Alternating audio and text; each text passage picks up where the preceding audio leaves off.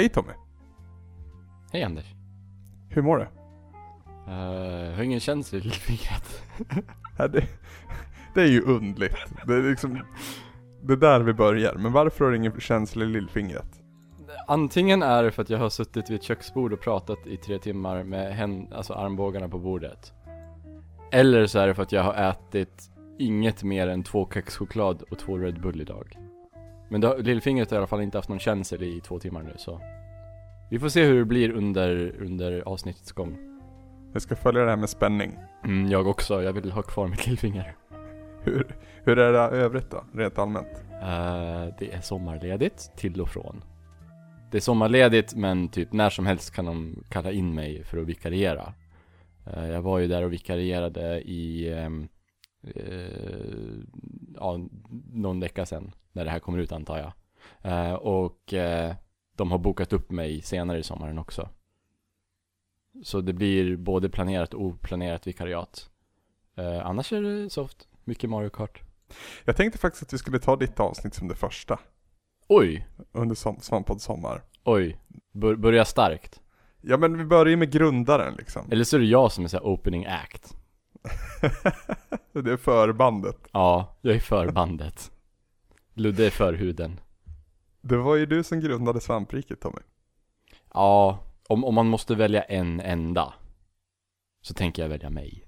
Då känns det passande att börja med dig också kan jag tycka. Ja, det, det är jag som är alfa. ja. eh, Vi backar lite längre tillbaka i tiden. Mm. Eh, vart är du uppväxt? Vart kommer du ifrån? Från en jävla liten skithåla som heter Bollnäs, det bara puckade människor kommer ifrån. Eller hur Anders? Okej, okej. ja. Eh, ja men det är ju Bollnäs, vad fan? Det, det, vet, det kan ju vi sitta och prata om. ja men vart, vart någonstans i Bollnäs? Uh, Bergsveden. Okej, Ren, Renområdet. ja just det. Tvärs över Renbron, sen är man Och där. visst, visst säger man på ren? Man säger inte i, jag bor inte, man bor Ren. inte i ren. Nej, nej, på ren. Det är svårt det där. Ja. Eh, på Irland, i Irland. På Island. I Irland, men på Island. Du växte upp med din mamma och din pappa. Jag växte upp med min mamma och min pappa. Mamma var dagmamma, pappa jobbade på Milko. Just det. Det är, det är jävligt bollnäsiskt. Jobba på Milko. Det är en sak som man bara kan jobba på i Bollnäs. I alla fall när jag växte upp. ja, det, fin- det finns väl på fler ställen? Nu ja, men fanns det det förut verkligen? Ja, det tror jag. Ja, okej. Men för mig var det väldigt bollnäsiskt. Patriotiskt, Milko. Ehm, nej, alltså, vad tycker du? Alltså, det är ju vanligt att de som kommer från Bollnäs, eh, när de växer upp liksom, att de vill komma bort från den här småstadsskiten och tycker att Bollnäs är, där finns det inget, där händer inget, det, fin- det är inget bra med det, och sen så rackar man ner på Bollnäs och vill därifrån. Eh, är du också så, eller är du som jag och liksom älskar Bollnäs och tycker att Bollnäs har bjudit på en fullkomligt underbar uppväxt?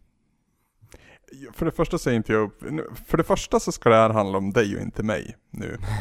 Okej. Men eh, li- lite snabbt då, eh, så växte inte jag upp i Bollnäs utan jag växte upp på landet. V- Vadå, så här uh, Rengsjö eller? Nej nej nej, tre mil mot Ockelbo från Bollnäs. Jaha, Skit i det, du kan, du kan lyssna, om- lyssna, på det, lyssna på mitt avsnitt. jag, jag tror jag slutade älska att bo i Bollnäs när jag var 16-17 Men tid, fram till tidiga tonåren så var det helt underbart.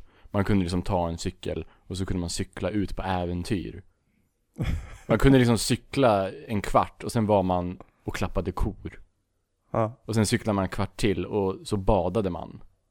Och så cyklade man en, en, en kvart till. Och då var man i så här, nå, nå så här övergivna tågstall och utforskade. Det var helt underbart. Och så cyklade man en kvart till och då gick man på bio. just det. Eh, Fast det tar inte en kvart att cykla från tågstallet till bion. Men det vet inte de som lyssnar Anders. Jag kanske cyklar jättelångsamt. Ja, det måste du ha gjort. Jag cyklade jättefort till bion en gång. Okej, Eh, eh, när jag inte hade ätit ordentligt. berätta mer. Och sen kom jag, och så kom jag fram och var helt så här skakig i benen och helt slut. Och sen så stod jag och såg väl jävligt flummig ut eller något, jag vet inte. Och då kommer det, det där biografen i Bollnäs, Röda Kvarn tror jag den heter va? Det är riktigt. Ja, eh, den biografen hade en, en satt liten man, 65 år eller något sånt där. Biffig men kort. Som är typ deras bouncer. Och han kastade ut mig. Och så, och så fick jag sitta där utanför biografen. Typ sitta på marken och liksom försöka att sluta vara så jävla yr. Ehm, och så kommer jag ihåg att det var ju eh, Phantom Menace, eh, Star Wars, som skulle visas. Ehm, så, så det var barnfamiljer utanför biografen. Och då minns jag hur en så här perfekt blond sommarklädd barnfamilj tittade ner på mig när jag satt där på, på marken. Och så, och så sa, och så sa pappan till en annan perfekt barnfamilj Polishuset ligger ju tvärs över gatan. Ska vi ta dit han? Och så, men vad fan, jag är inte hög, jag är bara hungrig och trött. Sluta! Ni känner inte mig. Är det här någonting som har följt dig genom livet? Um, För du, du har ju berättat flera gånger ja just det, i att, diverse olika podcasts att folk tror att du är kriminell, att du att langar droger och så vidare. ja men de tror ju det. Och jag, fan, Hur länge har man trott det om dig? ja tydligen sen 1999 då Phantom Menace släpptes. Det var första gången som någon trodde att jag var hög och jag blev utkastad. Eh, och sen hände det väl med jämna mellanrum, då och då. Mer, mer nu när jag bor i Stockholm nästan. Eh, men även i Bollnäs händer det då och då. Mm. Så jag vet inte. Men alltså de är ju trevliga så att det är ju inget jobbigt eller så. Saknar du Bollnäs när du bor i Stockholm? Eh, nej, nej, jag gör inte det. Som sagt. Det, var- det var kul till tidiga tonåren. Men sen, sen har man andra krav på platsen där man bor liksom. Jag, jag, jag, jag, jag, tänker, jag, tänk, jag tänker inte åka och klappa kor nu liksom. Och jag tänker, det viktigaste för mig just nu är ju inte att det ska vara nära att cykla till Vevlinge eller något sånt där och leta grodor. Eh, Så att, nej, jag, trivs i Stockholm. Har du alltid känt att du vill bo just i Stockholm? Eller blev det så bara för att det var praktiskt? Det blev så eh, av olika skäl. Eh, jag hade nog kunnat trivas bra i Gävle och bott kvar där. Ja, för du bodde där också ett tag ja. Ja, jag bodde där från 2007 till 2010, 11 och sånt där. Eh, då var det ju flickvännen som pluggade på högskolan där till förskollärare. Just det. Och det var ju, det var ju där 2010 som jag eh, bestämde mig för att nu blir det, nu, nu vill jag ha en egen plattform där jag får skriva vad fan jag vill. För jag hade ju skrivit för olika sajter tidigare. Eh, spelmedia och Retry och Pulse och sådär. Samma, samma folk egentligen fast olika skepnader. Mm. Men när man skriver för en sån sajt där och liksom är intagen som skribent så har man liksom inte 100% fria tyglar. Och han som tog in mig då, då som höll i det där, Alexander, han och jag hade liksom inte riktigt samma visioner om hur vi ville att en sajt som vi skrev för skulle se ut. Så jag ville liksom ta igen eh, fixa en egen plattform där jag har helt kontroll och jag vill skriva hur jag vill att det ska se ut. Och jag hade liksom en, en vision av att det skulle vara inga nyheter och inga så här helt vanliga recensioner. Utan det skulle vara åsikts och personlighetsbaserat. Och då skulle jag ju behöva starka, jag, jag fattar ju att jag ville ha en, en, en uppdateringsfrekvens på den här sajten. Så jag fattade ju att jag, jag kommer ju inte kunna göra det själv. För även om jag har många åsikter och sådär så har, har jag inte så många så jag kan skriva flera inlägg i veckan som jag ville att det skulle vara. Så då var jag ju tvungen att samla kloka medhjälpare. Och jag skrev ett inlägg på loading där jag frågade då Hörni, ni som läser min blogg här på loading, nu ska jag starta en, en så här fristående blogg som jag har full kontroll över. Ska jag skriva på engelska eller ska jag skriva på svenska? Eh, och de flesta tyckte då svenska. Och en av de som tyckte svenska var Ludde, som också bloggade på loading. Och han eh, föreslog även att han skulle vara en som jag plockade upp och eh, ville blogga med då. då. Ni kände inte varandra då? Nej, han var liksom någon som läste min blogg och kommenterade på den lite då och då. Och jag var någon som läste hans blogg och kommenterade lite då och då. Och jag antar att det blev så delvis för att båda har liksom en förkärlek till Nintendo bland annat. Mm. Eh, vi har ju inte helt olika spelsmak egentligen. Eh, och sen efter det så plockade vi även upp Elin då, då. Elin Ekberg. Elin Ekberg som fortfarande är kvar på loading. Hon blev ju upplockad och fick skriva i Level till exempel, eh, till och med. Mm. Så hon eh, gick ju vidare till större och grönare ängar så att säga. Eh, och eh, vid det här fallet så hade ju, vi, hade, vi visste inte ens att det skulle heta svampriket. Eh, utan det, det fick vi komma fram till och när vi skulle regga domännamn. Och jag stod och velade mellan två namn. Precis som jag velade mellan om det skulle vara engelska eller svenska. Och då velade jag mellan antingen svampriket, eftersom när, när jag och Samson var på eh, ett pressevent för Electronic Arts, eh, bland annat skulle vi kolla på Crisis 2. Så skulle vi intervjua Crisis 2, eh, någon som hade med det spelet att göra, en PR-person då, då. Och det första han frågar när han får höra att vi är från svampriket och vi översätter det som Mushroom Kingdom till honom, så frågar han eh, varför valde ni det namnet? Och jag var liksom trött, det var slutet av dagen, så jag bara svarade Jag vet inte Så det var ju ett jättedåligt svar, men faktum är att jag har faktiskt ett svar för varför det heter svampriket Och det är för att jag känner att om det är en sak som förenar, som, som, flest, som fler gamers har gemensamt än något annat Så är det liksom Super Mario Även om man inte gillar Super Mario idag Även om man inte tillhör Nintendos målgrupp idag så har de flesta någon gång de flesta har en så intim speciell relation till Super Mario på ett sätt eller annat. Mm. Inte alla, men det finns inget annat som jag kan komma på som är en mer gemensam nämnare än Super Mario. Inte ens, inte ens Tetris, skulle jag säga. Så då, då fick det bli det för att svampriket är liksom någonting, för det första är det en plats, så det passar. Och för det andra så är det någonting som förenar oss alla mer än någonting annat. Eh, och namnet som slopades då, det var ju Split Screen. Splitscreen.se. Eh, som det var väldigt nära att heta. Men grejen då var ju att jag, jag och, och Ludde skulle skriva, att det skulle vara så här split screen. Luddes perspektiv och mitt perspektiv. På samma tv-ruta. Men sen när Elin hoppade på och vi blev tre stycken så tyckte jag liksom att nej, nej det, det, det får bli svampriket helt enkelt. Och så blev det. När var det här? 2010.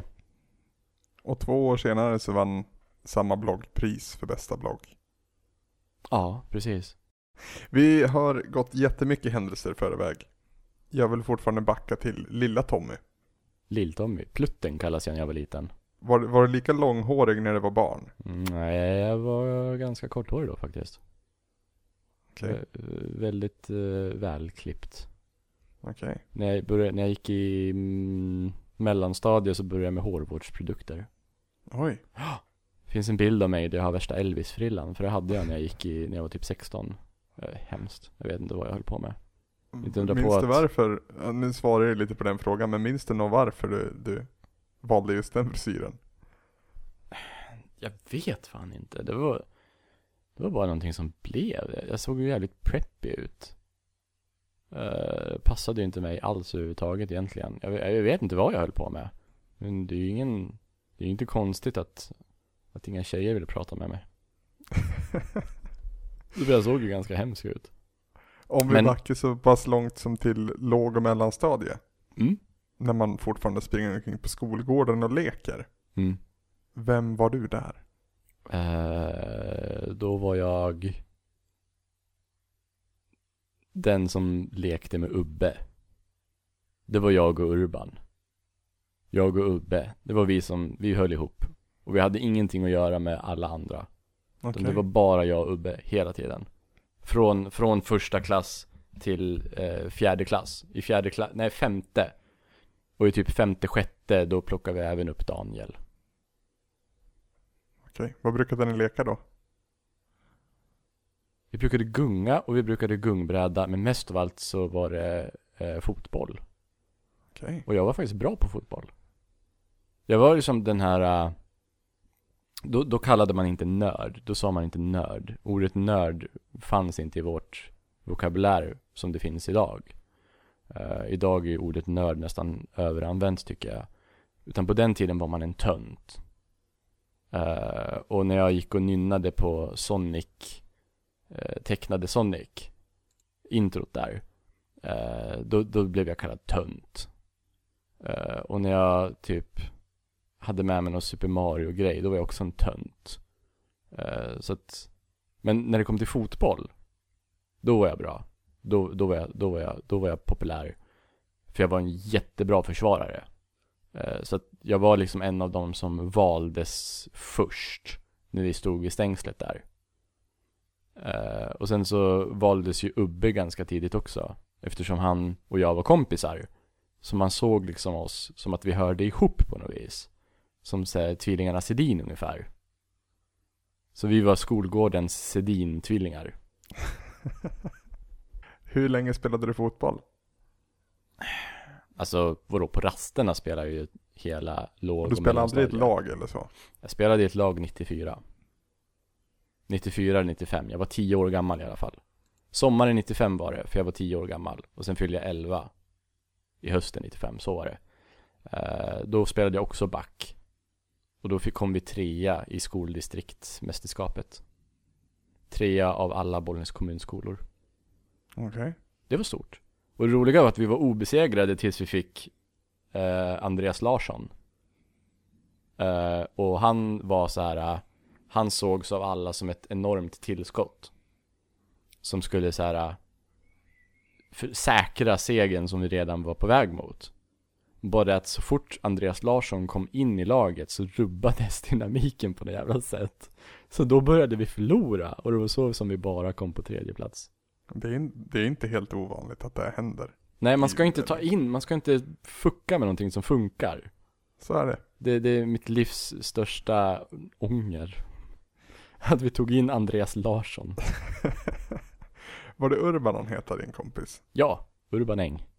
Eh, umgås du fortfarande med han? Nej, men jag har halvt som halvt kollkontaktaktigt med honom. Han bor i Stockholm faktiskt, tror jag. Uh, har blivit mycket smalare än vad han var då. Och tunnhårigare. Uh, men han är, han är typ så här en så här genomsnäll människa.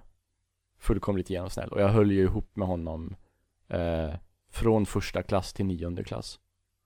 Och sen när det blev gymnasiet då pluggade vi på olika linjer.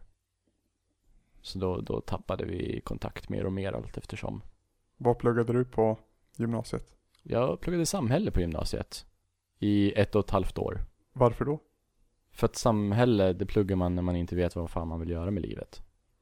Så det finns, det finns två grupper då, då. Det finns ju individuella för de som inte har betyg. Och så finns det samhälle för de som har betyg men fortfarande inte vet vad fan de vill. Så det blev samhälle för mig. Som jag sen hoppade av efter ett och ett halvt år. Vi hoppar lite fram och tillbaka i tiden här för att jag vill ändå backa då till högstadie borde det bli. Det Ja. För det mesta i alla fall. Eh, då puberteten kommer intravande. Ja, Hur var det för dig? sm- relativt smärtfritt faktiskt. Uh, och å ena sidan, det fysiska var ju ganska jobbigt. För att jag var ju först i klassen. Jag var ju den som fick hår. eh, runt könet och på benen. Och jag minns att jag även skämdes för mina håriga armar. Som var hårigare än alla andra killars. Jag kunde ju liksom, jag mådde ju inte bra av att ha t-shirt.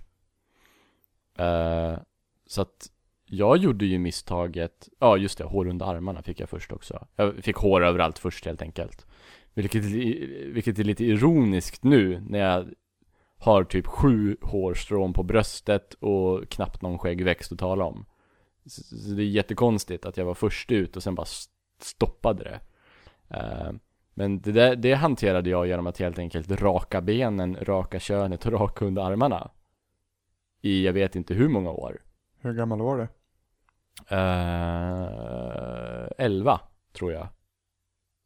I femman. Så när jag var 11 år, då, då började det komma hår. Och då 11, 12, 11 och 12, under de åren så var jag tvungen att raka och kände mig inte bekväm med att sluta, sluta raka förrän eh, åtminstone typ en fjärde eller tredjedel av alla andra i klassen eh, hade fått hår då, då kände jag, okej, ja men nu, är jag, nu kommer ingen så här reagera på att jag har det. Och det löjliga är ju att, alltså man ser ju att det är rakat. Man, man ser ju det. Speciellt på benen. Så syrran sa ju, har du raka benen? Nej, det har jag inte. Eh, och sen så skar jag mig så jävla mycket när jag rakade mig också. Och det stack och sved och det var hemskt. Så all, aldrig, aldrig igen. Har du fler syskon än en syster? Eh, nej. Jag har bara en syster som är tre år yngre än, än mig. Okej. Som hängde med på våra Bollnäs-äventyr. Och som jag fick eh, skydda och försvara. Hon var en väldigt tuff tjej, så hon behövde inte skyddas och försvaras så ofta. Men hur tuff man än är, så är ju ändå killar som är tre, fyra år äldre starkare. Och det var då jag fick hoppa in och försvara henne. Så det var en kille en gång som slängde hennes keps i vattnet. Eh, så jag fick, fis- fick fiska upp den åt henne. Eh, och så, så sa jag till honom att om du slänger hennes keps i vattnet en gång till, då tar jag din keps och så slänger jag den i vattnet. Och så slängde han hennes keps i vattnet en gång till och då tog jag hans keps och slängde den i vattnet. Och då började han gråta. Det, det var en oväntad twist på den historien. Att han började gråta? Ja. Jag, jag, jag tänkte att ni skulle börja slåss eller någonting sånt. Nej, alltså vi var ju typ 13, 12, 13. Och jag tror att han var ett år yngre än mig också. Så han kanske var typ 11, 12. Har du bra relation med din syster idag? Eh, hon bor kvar i Bollnäs. Okej. Och jag träffar henne egentligen bara när det är antingen högtider, som midsommar som det var. Eh, och när det är jul och när det är påsk, om hon kommer upp hit då. då. Och sen brukar jag ju åka till Bollnäs och hälsa på lite då och då. Jag har ju farbror, morfar, farmor och syster i Bollnäs. Så jag åker ju dit då och då när det är så här långledigt. Din, din pappa då? Ja, nämnde jag inte honom eller? Nej, Ja, nej han finns där han också. för han, han har jag skjutsat dig till en gång. Ja det har du. Från Gävle. Just det. Ja. Jo, han bor ju där också. Och det är ju han jag bor hos när jag är där liksom. Eh, så jo då, jag har en bra relation till min syster. Eh, vi har liksom inga eh, vi, vi är ju inte lika som person för fem öre. Och jag tror ju att det har liksom När man diskuterar om det är miljö eller gener Så tror jag ju att det är både och. För att hon och jag har ju vuxit upp i samma hem, under samma förhållanden, samma klass och allt det där, samma föräldrar. Och det är bara tre år som skiljer mellan oss. Och vi är fullkomligt olika och vi var fullkomligt olika redan när vi låg i magen. Hon höll ju på att sparka sönder insidan av mamma. När hon låg i magen. Medan mig blev man ju orolig att jag fortfarande levde. Eh, och förlossningen var ju, hon ville ju ut direkt och jag tog på mig 17 timmar på mig. Um, och sen när vi var små, hon fick ju utbrott hela tiden medan jag bara chillade omkring. Och nästan var så instängd i mig själv på något vis. Har du alltid chillat omkring Tommy? Jag har alltid chillat omkring. Jag har alltid varit slö och chillig. Och sävlig. Det är liksom så jag är. För jag är född sån. Det, är, det, är liksom, det, det har ju inte miljön påverkat utan det är mitt lynne från grunden. Precis som min syrra är mycket mer sprallig och eh, impulsiv och eh, humörig. När någonstans i livet kom du på vem du ville vara och vad, vad, du ville göra? Hmm. Jag vet inte om jag fortfarande kom, jag vet inte om jag kom på det. För du hoppade av samhälle sa du där. Ja just det, det gjorde jag. Mm. Eh, Jag orkade inte gå kvar.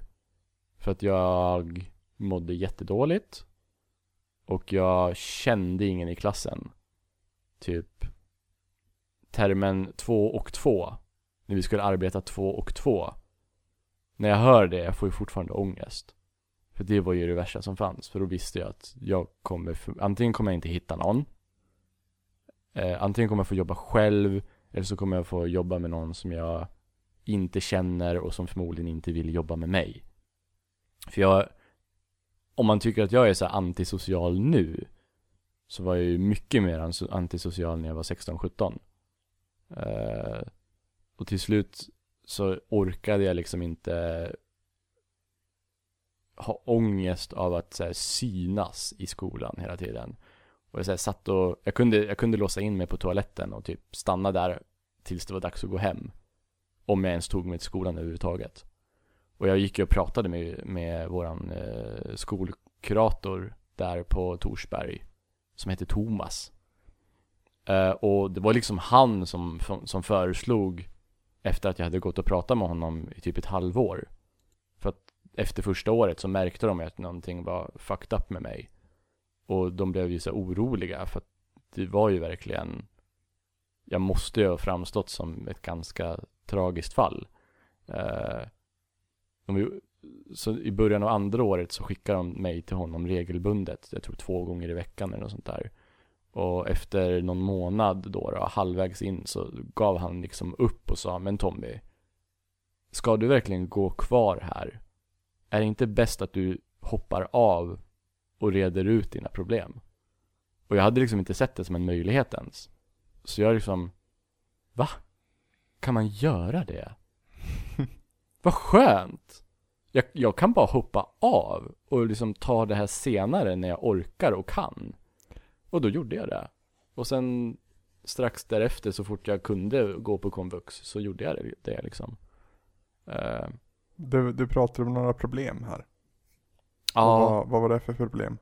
alltså dels är, är det väl det att jag är, eller att jag var så otroligt dålig på att vara social och funka socialt och ta kontakt och acceptera kontakt när den erbjuds och sådär. För det var ju faktiskt en i klassen som halvt som halvt försökte räcka ut en hand liksom. Men jag kunde liksom inte ta den. Eh, och sen var det ju det att jag var ju enormt missnöjd med hur jag såg ut. Jag var ju liksom hade ju absolut ingen stil överhuvudtaget. Och jag hade, jag minns inte ens hur, hur håret hade. Men jag minns att när jag var 17 så rakade jag hela skallen. Så jag hade rakad skalle. Eh, och så hade jag otroligt dålig hy.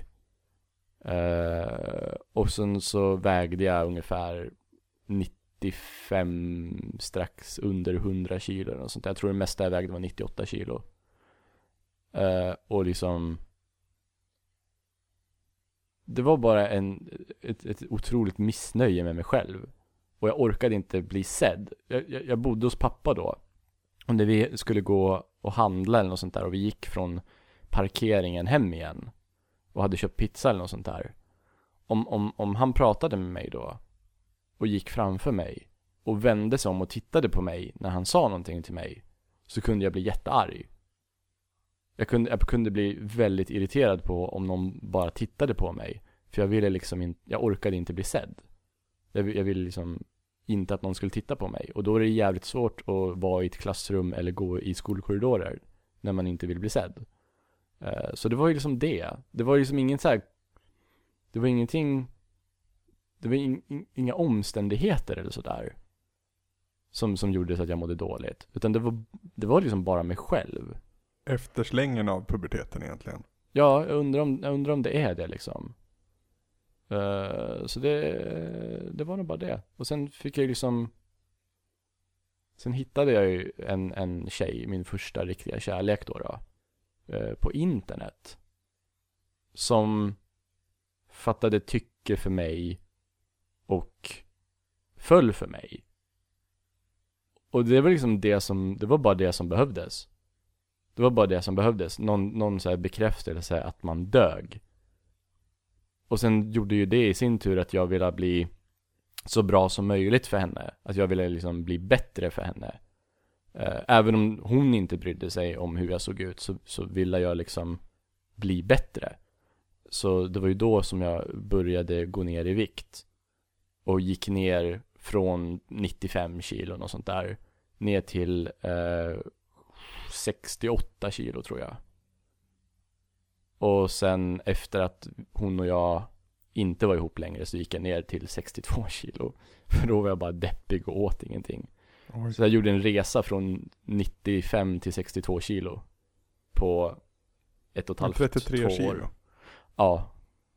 Jag gick ner en tredjedel av min massa tror jag. Ja. Så det, och sen fick jag ju gallsten och, och, och eh, hälsobekymmer på grund av det. Så jag rekommenderar inte till någon att gå ner så mycket så snabbt på fel sätt. Det är absolut inte bra. Tv-spel Tommy. Det är nice. Har det alltid varit nice? Det har varit nice. Min första kontakt med tv-spel är ju kanske det första minnet som jag har faktiskt. För jag minns att mitt perspektiv, mitt perspektiv ur det minnet, när min farbror Thomas kom hem med 8-bitars NES. Och de hade tennis. Alltså, det hette bara tennis. Men jag måste ha varit ungefär fem år gammal då. Jag hade inte börjat förskola. Och det gjorde jag när jag var sex. Och jag kommer ihåg att jag var väldigt kort. Jag, jag nådde upp till typ ovansidan av låret på, på pappa. När jag stod upp. Om ens det.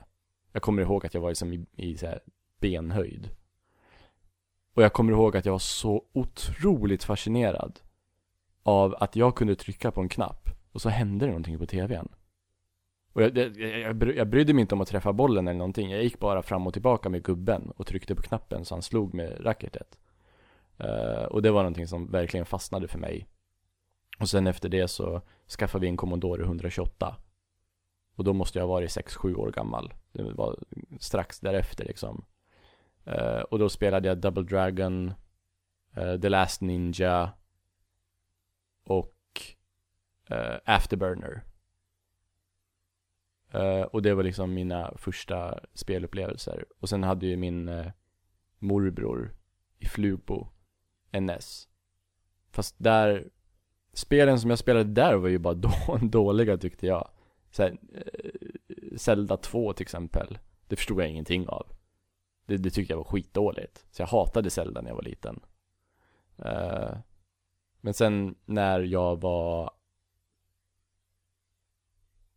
11 När jag var 10 då fick jag en egen TV på rummet När jag var 11 Då sa pappa till mig att du vill ha en SNES, du vill ha en Super Nintendo. Och då sa jag typ Ah, jag vet inte, jo! Du vill ha en Super Nintendo. Och så sa jag okej då. Och så fick jag Super Nintendo Med Super Mario All-Stars. Och det var ju helt jävla underbart. Det var ju helt fantastiskt. Och sen dess var jag ju hooked. Även om det inte var förrän A Link to the Past Som jag verkligen fick tv-spel som Huvud Huvudintresse kanske jag inte ska säga Men så här me, Medial underhållning Of choice, så att säga Om vi blickar mot framtiden istället då Tommy. Mm? Du, du nämnde att du for, fortfarande är osäker på om du vet vart du vill. Ja Men har du någonting på din bucket list sådär som det här vill jag göra i framtiden?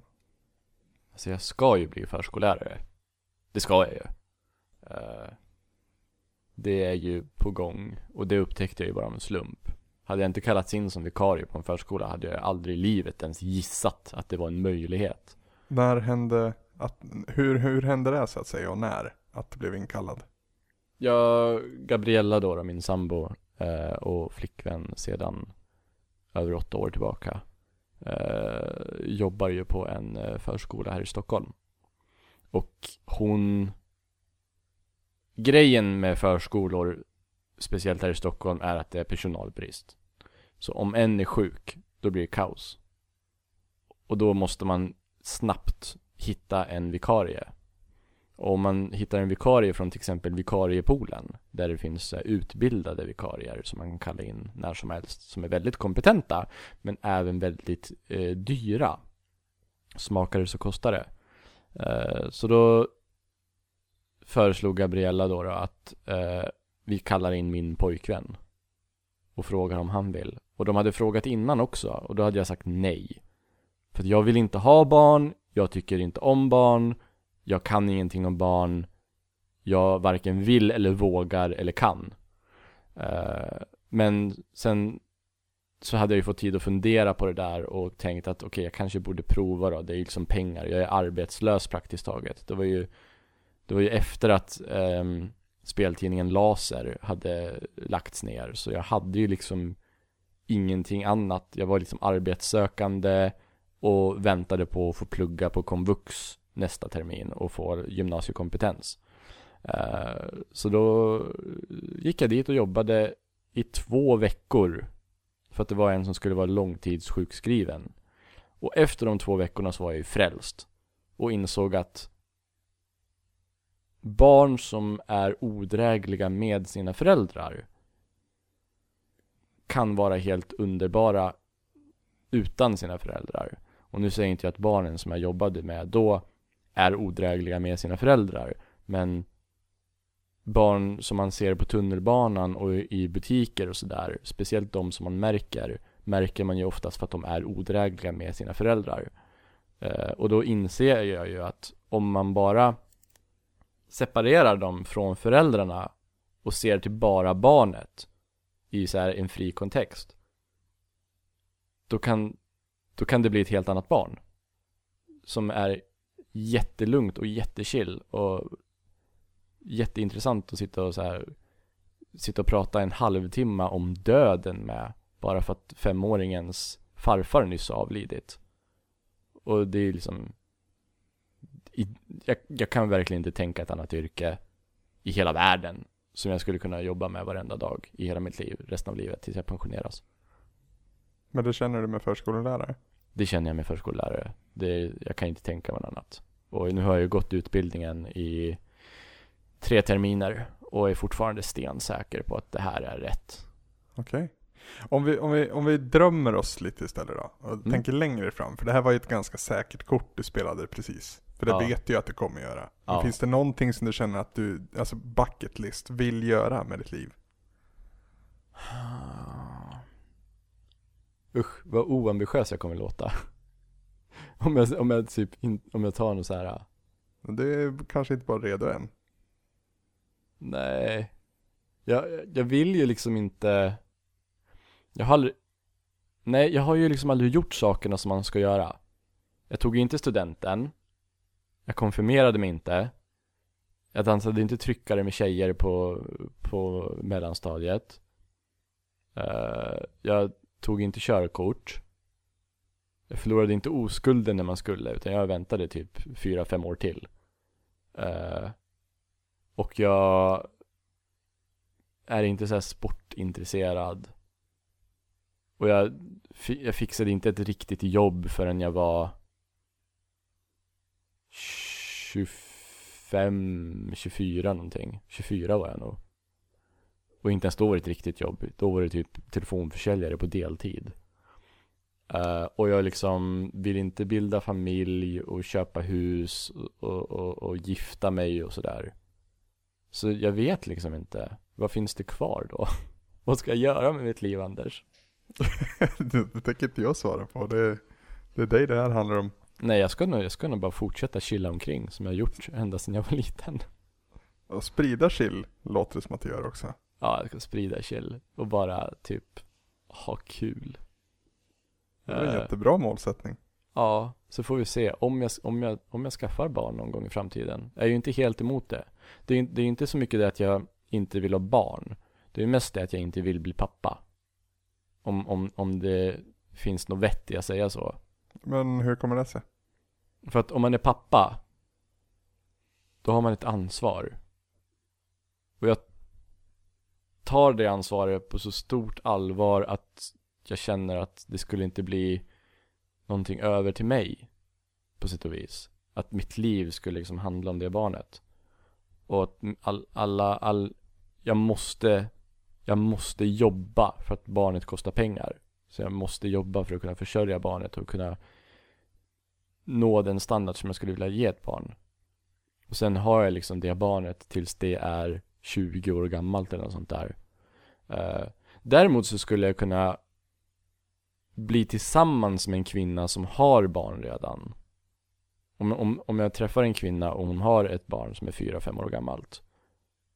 Det skulle jag, jag skulle liksom inte diskvalificera henne för det.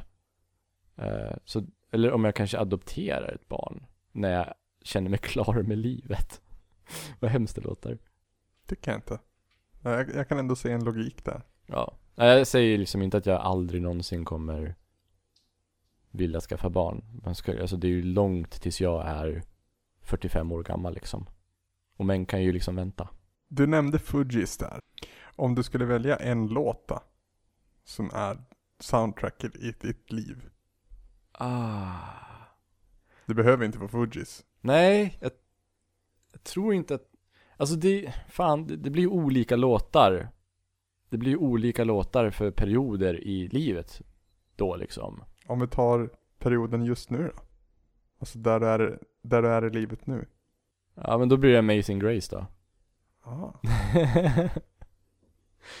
det blir det jag tänker på först och främst. I once was lost but now I'm found. I once was blind but now I see. Vad härligt. Mm. Vilken skön not att börja avrunda på. Ja, ja, ja. ja. Jag har en sista fråga. Ja. Eh, vi har ju lärt känna dig nu genom podden och genom både dina texter du har skrivit och dina videos du har gjort och genom Svamppodd Fyrkant. Men finns det någonting som du håller för dig själv? Finns det någonting som vi inte vet om dig än? Eller någonting som du, som hittills har varit hemligt? Nej. ja, ja, men jag har ju, alltså jag har ju här, skrivit, inte bara spelbloggat, utan jag har ju även bloggbloggat jättelänge. Jag började ju blogga 2005, 2006. Och Ja, egentligen började jag blogga 2002 på Lunarstorm. Och sen så efter det blogg.se, loading, svampriket, wordpress. Jag har ju liksom blottat mig i väldigt många år nu, över tio år. Och om det finns någonting att berätta om mig som jag är bekväm med att berätta så har jag redan gjort det. Då får vi ju röra oss bortom den här gränsen för vad som är bekvämt. Okej. Okay. Uh, eh, jag har någonting som jag kanske inte har berättat. Men det är inte så pinsamt. Jag har mest inte berättat det för att det inte är så intressant. Eh, när jag var liten och bodde på Bergsveden. eh, Bergsveden 78 var det jag bodde på nu. Eh, så var jag ute och lekte en sommar med dagbarnen för min mamma var dagmamma. Och en, två, två hus bort bodde en eh, pappa till en son och pappan hette Bengt. Um, och jag var ungefär 11 år, tror jag. 10, 11. Och hade just upptäckt grejen med att vända kepsen bak och fram. Och hur jävla cool man blev då alltså. Plus att jag just hade lärt mig 'fuck you' med mina fingrar. Jag hade lärt mig att om man, om man, om man har ner alla fingrar utom långfingret då är man jävligt kaxig och cool. Så jag vände kepan bak och fram. Och sen sprang jag omkring där på bergsveden. Och flippade 'fuck you' med fingret. Och sen så ställde jag mig utanför eh, Bengts fönster. Och han satt i köket där och, och läste tidningen. Och hans son var i sandlådan och, och, och, och lekte. Och så, så vände jag kepsen bak och fram ställde mig på hans gräsmatta, stirrade rakt in i köksfönstret på honom där han satt och läste tidningen. Stre sträckte upp båda, båda långfingrarna mot honom och vevade armarna upp och ner sådär Fuck you, fuck you, fuck you Och sen sprang jag därifrån in i skogen och tänkte att nu är jag ju säker. För det är ju inte som att vi bor grannar eller något. Så jag tänkte att där fick han, den jäveln. Fan vad cool jag är Med kepsen bak och fram. Men självklart så vet ju han att jag bor två hus bort från honom. Han är ju inte dum i huvudet, han har ju sett mig för fan. Eh, så han gick ju såklart hem till oss och var skitförbannad och berättade för min mamma Att jag hade ställt mig på hans gräsmatta och stirrat rakt in i hans köksfönster på honom och pekat fuck you till honom och sen sprungit därifrån. Och när jag kom hem då då Så förhörde ju mamma mig. Och jag blånekade Nej, nej, nej, nej, nej, jag har inte gjort någonting Nej, nej, nej, nej, nej Jag vet inte vad han pratar om. Um, Bara det att det fanns ju vittnen såklart. Jävla snitchare. Så de snitchar ju på mig Jävla dagbarnen och min lilla syster tror jag. Mitt eget blod Snitchade på mig. Som du senare kom att skydda genom att kasta en, kom- eller en killes keps i sjön. Jo, jo, jag skyddade ju henne men hon hade ju ingen lojalitet mot mig uppenbarligen. Um, så, så jag fick ju liksom komma på det, det var ju kört. Hon visste ju att jag hade gjort någonting. Uh, Så jag fick ju Först provade jag med att säga, ja men när jag petade i näsan och det, det köpte hon ju inte. Eh, Så jag fick ju säga sen att Hans son som lekte i sandlådan Hade kastat sand i ansiktet på mig. Och så hade jag kastat tillbaka. Och att han då, då Bengt, sonens pappa Hade kommit och skällt ut mig. Och att jag hade blivit arg på honom för att han hade skällt ut mig. Så jag hade pekat fuck you till honom. I ren ilska och vrede. Och det var ju inte sant. För jag hade ju bara gjort det för att jag kände mig så jävla kaxig för att jag hade kepsen bak och fram. Uh, men ända sedan dess så kallade mamma honom för Grinige Bengt. För att hon hade ju köpt det där. Och det kanske var det att hon ville köpa det där också. Så ända fram till nu så tror hon att det, det var fallet. Att jag, att sonen hade kastat sand på mig och jag hade kastat sand tillbaka. Pappan hade skällt ut mig jag hade pekat fuck you i vredesmod. Så om mamma hör det här nu, då kommer hon vara den som får höra någonting som har varit hemligt fram till nu.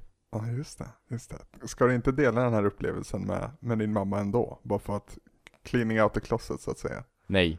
Hon, hon, hon har fått tillräckligt, hon har fått höra tillräckligt under de få avsnitten som hon faktiskt lyssnar på min och Luddes podcast. Hon har slutat lyssna på den nu kan jag säga. Och det är lika bra. Så jag skonar henne från det. Kanske okay. på, på hennes dödsbädd eller något sånt där. Då bekänner du? Ja, vi får se. Att griniga Bengt, det var ditt fel. ja, det var kepsens fel. Hörru du Tommy, eh, vi har gått lite över tiden. Jag får använda lite efterproduktion för att få ner det här till en vettig tid. Men det har varit ett väldigt trevligt samtal tycker jag. Det tycker jag också. Ja, du får ha en jätteskön sommar. Detsamma. Och det får alla som lyssnar också. Precis, precis. Hej då Tommy. Hej då Anders.